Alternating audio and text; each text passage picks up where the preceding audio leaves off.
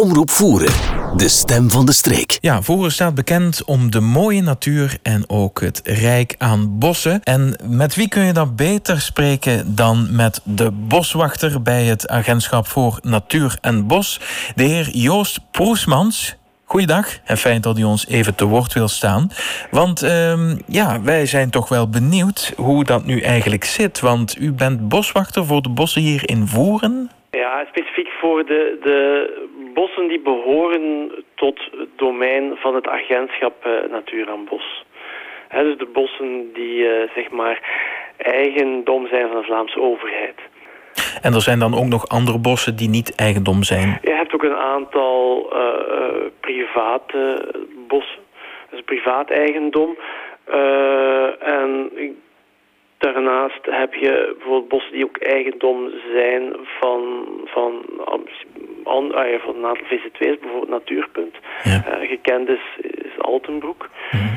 Ehm, maar ik, als ik het, uh, denk ik het totaalbeeld dat ik heb over de het totale aantal oppervlakte en bossen, dan is het, het, een heel groot gedeelte toch het eigendom van het Agentschap voor Natuur en Bos. Enig idee hoeveel hectare dat in Voeren is?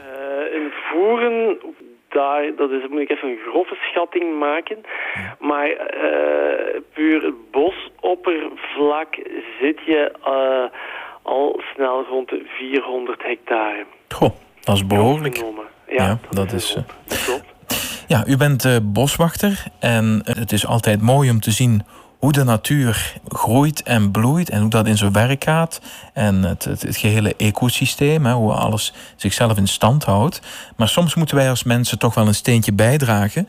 En zeker als er problemen zijn, eh, door bijvoorbeeld een, een beestje dat eh, de bomen aantast en er eigenlijk niet zomaar mee ophoudt. Hè? Geval de, de letterzetter, ehm, die uh, in voeren uh, stevig tekeer gaat in de fijnsparbossen. Mm -hmm. dus dit kevertje van ongeveer een halve centimeter groot, dus een, een zwart, bruin-zwart kevertje, ja, dat, dat nestelt zich in de bast van de boom. Uh, legt eitjes en die larven, ja, die voor de opwaartse sapstroom, knaagt die door en dan uh, sterft de boom onherroepelijk af. Mm -hmm. Ja, dat is, dat is natuurlijk niet de bedoeling. Nu, als zo'n kevertje intreedt in zo'n boom, kun je dan niet op een of andere manier ervoor zorgen dat het kevertje er niet meer uit kan vliegen? Kijk, de, de, de oorzaak van de sterfte van deze bomen, die zit natuurlijk Um, ja, rechtstreeks nu door de letterzetter, maar, maar de, de, de achterliggende oorzaak is een verzwakking van de boom.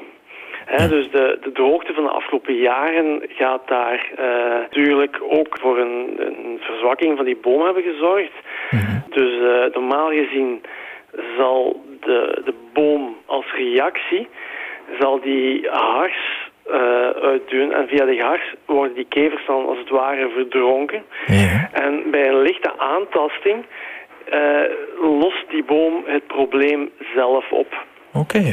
Nu, wanneer die boom zwak is, verzwakt is, is die daartoe niet meer in staat.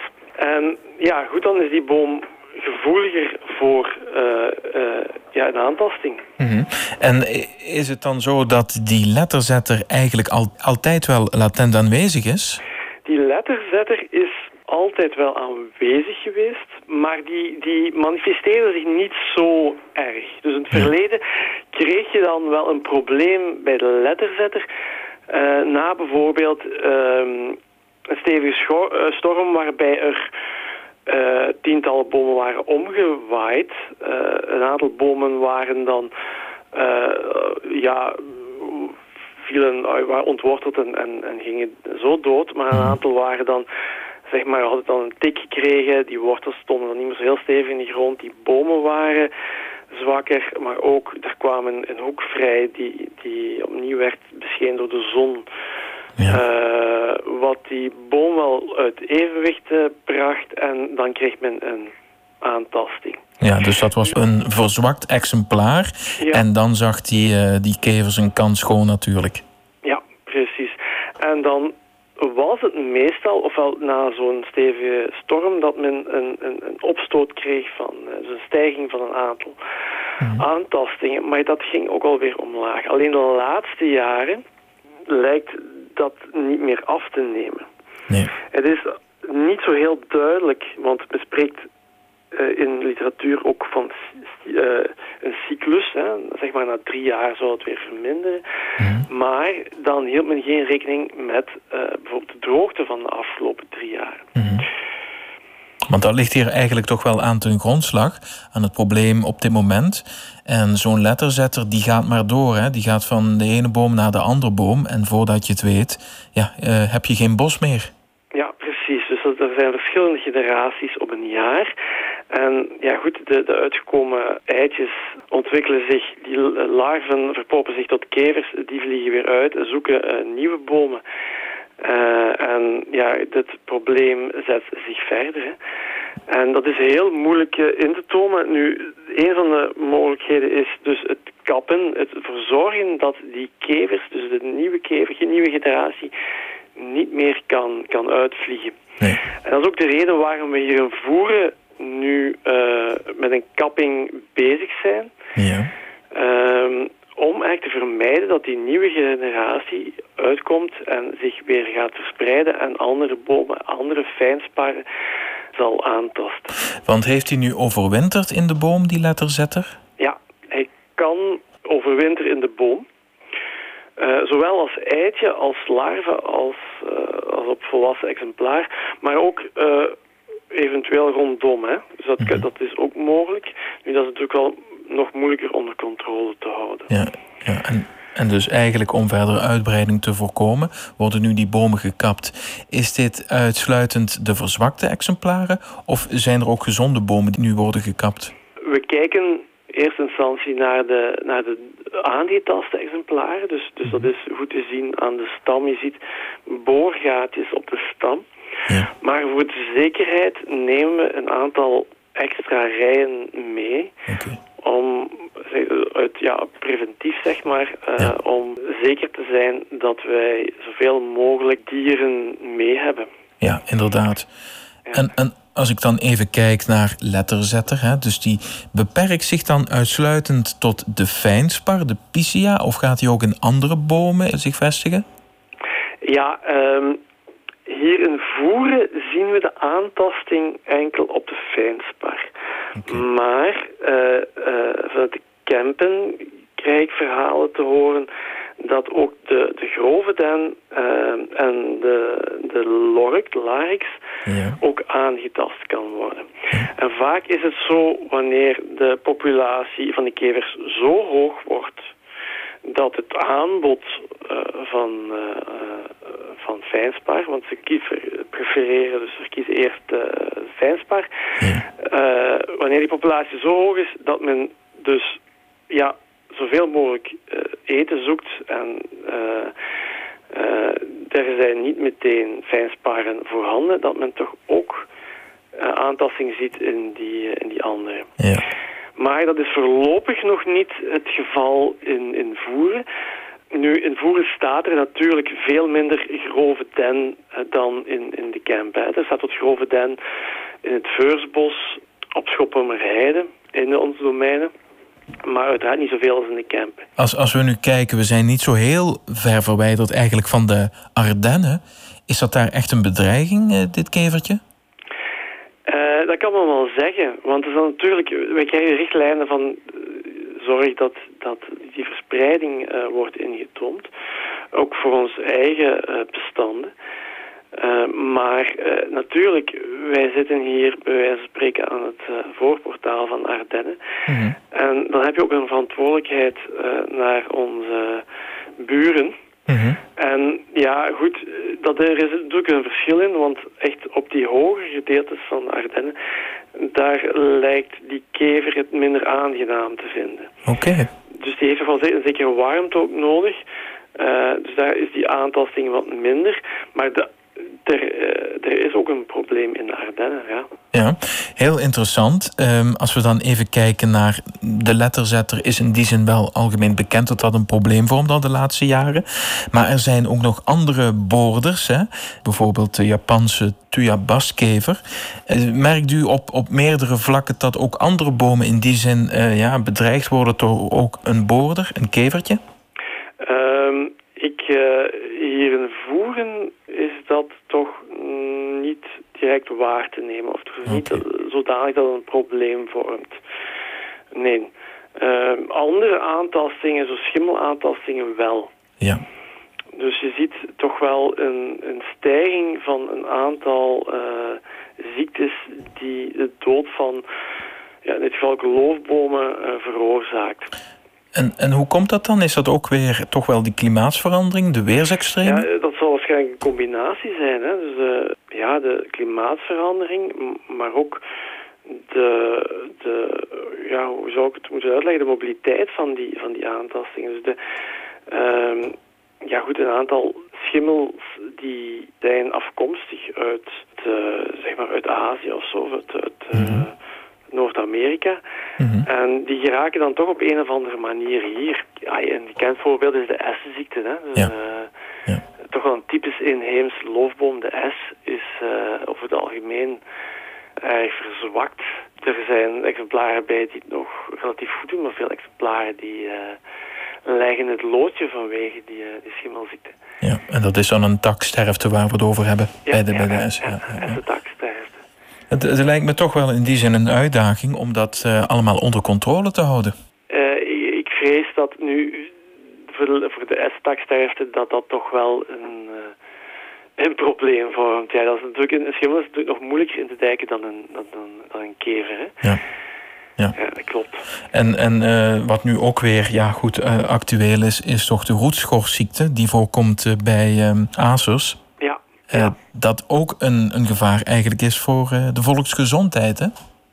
Ja, dat klopt. Dat is een van de komende problemen die moeten aangepakt worden. Maar ja, en, dat, dat wordt nog moeilijker, hè? Want uh, ik hoor dat u goed, wel goed bent ingelicht wat betreft de aantastingen. Ja. Maar daar, daar zal ook het, het ruimen een probleem kunnen vormen. Want een esdoorn die is aangetast door een roetschorsschimmel... Ja. Ja, die kan in principe, daar kan in principe niet zomaar in gezaagd worden. Uh, daar zijn ook richtlijnen voor, omdat uh, ja, dus de, de stof wat vrijkomt is zeer schadelijk voor de luchtwegen. Ja, ja voor de volksgezondheid. Ja. Uh, ja, ja. Over, over volksgezondheid gesproken, um, toch een zaak, ja, als we kijken naar de buren in Nederland, daar wordt heel veel aandacht aan besteed. Dan heb ik het over de bestrijding, thans de beheersing van de eikenprocessierups.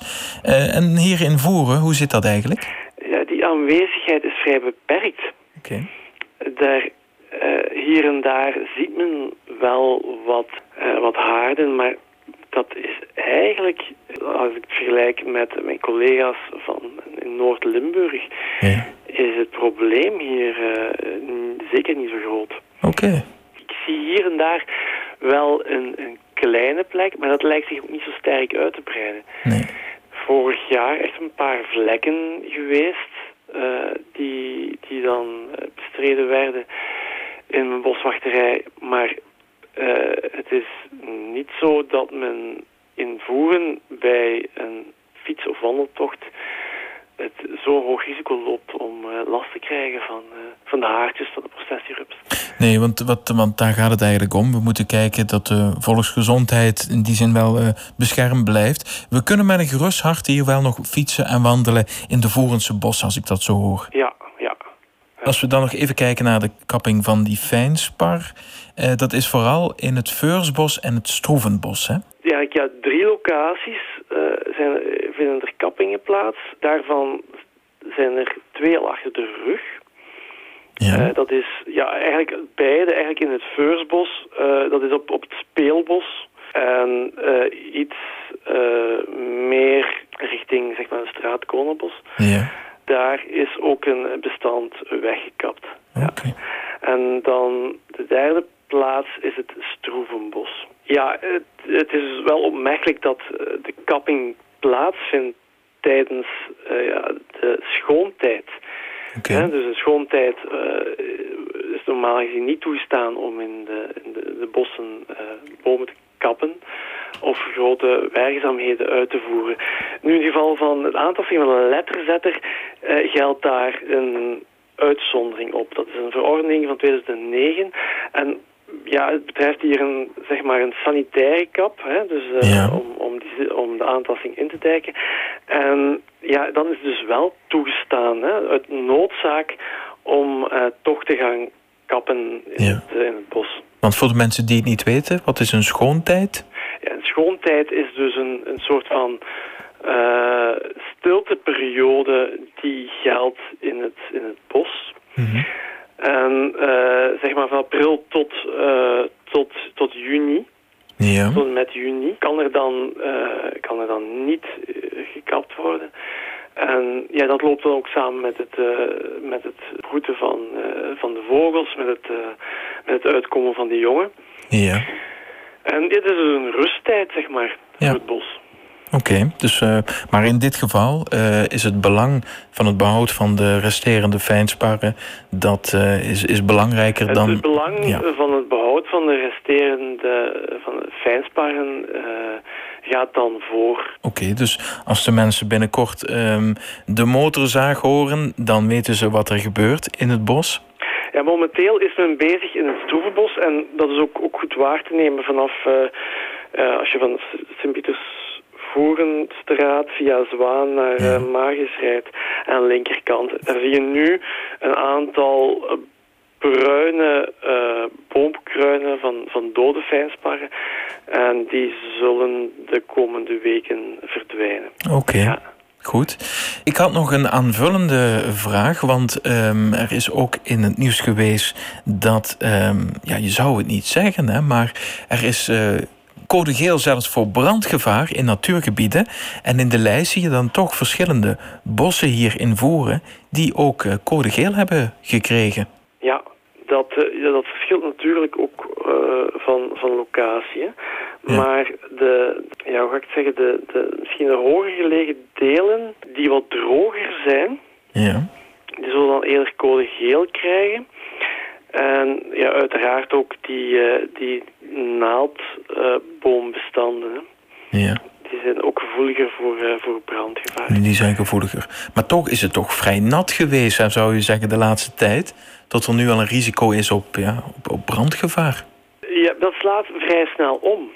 Okay. Dat is soms verrassend hoe dat op, uh, op een aantal dagen tijd... en dat die, dat die bovenlaag toch al opnieuw is uitgedroogd.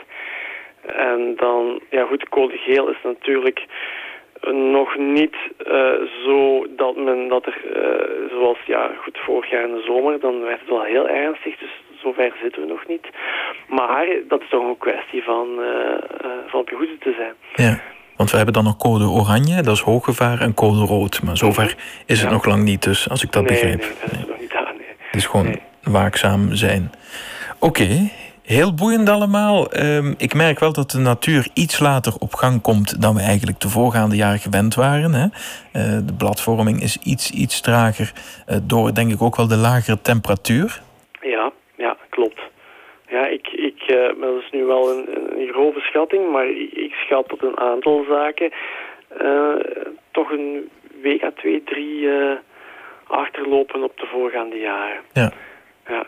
Maar dat hoeft in die zin geen probleem te zijn voor de natuur? Ik denk niet dat dat een probleem moet geven. Ik zie dat de voorjaarsbluurs die lijken die vorst goed te hebben doorstaan van, ja. van vorige week. Is... En van goed, ook, ook de afgelopen dagen. Hè. Ja, dat is een geluk geweest. Oké, okay. ja, ja. heel boeiend. Ik dank u hartelijk. En ja, misschien spreken we elkaar nog wel eens in de toekomst, want het blijft boeiend, de natuur en zeker hier in Voeren. Dankjewel.